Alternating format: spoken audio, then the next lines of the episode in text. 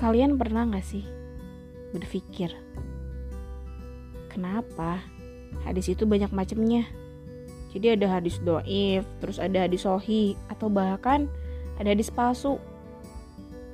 Terus pernah gak sih berpikir apa sebabnya? Terus kenapa hadis itu bisa jadi palsu? Terus kenapa hadis itu bisa jadi doif? Pernah gak sih pikir-pikir kayak gitu? Sekarang kita bakal belajar bareng-bareng tentang ini. Pastinya di podcast aku. Dengerin terus ya.